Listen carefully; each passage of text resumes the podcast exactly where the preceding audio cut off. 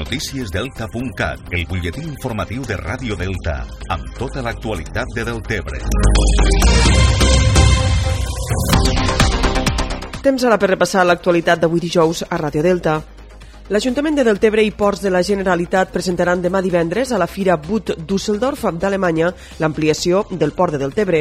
El consistori considera prioritari tenir presència en una de les fires nàutiques més importants del món per donar a conèixer la nova oferta de serveis i amarradors que tindrà el nou port amb 321 punts d'amarratge per a embarcacions esportives i una zona de serveis nàutics de 4.300 metres quadrats. Escoltem l'alcalde Lluís Soler. Este divendres fem la presentació del port eh, a la fira nàutica més important a nivell mundial, que és la fira eh, de Düsseldorf, a Alemanya. I en aquest cas, eh, perquè creiem que eh, del Tebre i el Delta de l'Ebre tenim unes condicions eh, úniques i singulars, tot i que la demanda d'embarcacions que tenim és molt alta, per a ja eh, flagrant, també volem donar a conèixer el nostre port i el nostre territori arreu. Deltebre participarà també activament a la Fira Bud Düsseldorf amb un taller i degustació d'ostres del Delta de l'Ebre i la projecció d'un vídeo promocional del municipi. L'Ajuntament va fer al juliol l'aprovació inicial del Pla Especial Urbanístic d'Ampliació del Port i este 2019 s'ha de fer l'aprovació provisional per part de l'Ajuntament i també la definitiva per part de la Generalitat amb l'objectiu de poder licitar les obres ja de cara al 2020. La coneguda pallassa Pepa Plana s'ha incorporat a la candidatura de la CUP del Tebre. El nom de la pallassa s'ha donat a conèixer en el marc de la campanya Desvetllem les claus, en la qual la CUP dona a conèixer cada dia el nom d'una de les persones que formaran part de la candidatura a les pròximes eleccions municipals del mes de maig. La CUP desvetllarà l'ordre de la llista en un acte al Centre Fluvial del Delta el pròxim 1 de febrer. I mentrestant, l'alcalde de Deltebre i candidat a l'alcaldia pel PDeCAT, Lluís Soler, ha assegurat en canvi que no porta pressa per donar a conèixer la candidatura que l'acompanyarà les eleccions municipals del maig per revalidar l'alcaldia del municipi. Segons Soler, el seu principal objectiu és ara complir amb els objectius del mandat municipal i la presentació de la llista es farà en el marc d'un acte a finals del mes de març jo la pressa que porto és per acabar els objectius que m'havia proposat de mandat municipal.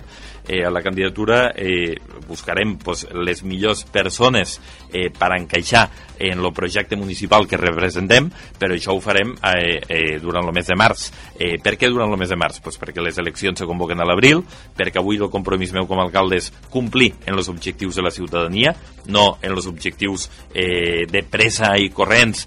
El PDeCAT de Deltebre ha iniciat a través de les xarxes socials la campanya Complim el programa electoral, en la qual es dona a conèixer les accions realitzades per donar compliment al programa electoral amb el qual es van presentar a les eleccions municipals del 2015.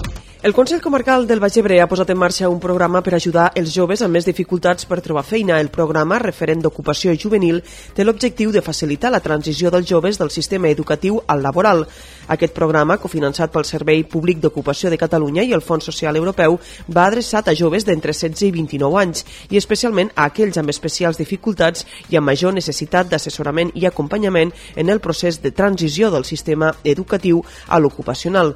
El Consell Comarcal proporcionarà una atenció personalitzada i individualitzada als joves i es treballarà de manera coordinada amb centres educatius, dispositius de salut, serveis socials i entitats. Els interessats en el programa poden adreçar-se a l'Oficina Jove del Baix Ebre. I el pròxim dissabte es farà a l'Auditori Felip Pedrell de Tortosa un espectacle d'homenatge al món de la cultura de les Terres de l'Ebre a través de l'espectacle multidisciplinar Numen Somni de l'Ebre, creat pel dramaturg ebrenc Valer Gisbert, s'homenatjarà a totes les personalitats i entitats del món de la cultura que durant l'any 2018 van rebre algun premi o reconeixement. Entre els homenatjats hi figuren, per exemple, el professor i escriptor de Deltebre, Jordi Gilabert, guanyador del Premi de Narrativa de la Ribera d'Ebre, o el ballarí i coreògraf Roberto Olivan. En total, s'homenatjarà vuitantena de personalitats vinculades amb la cultura a les Terres de l'Ebre. Això és tot. Més informació al portal deltacat.cat.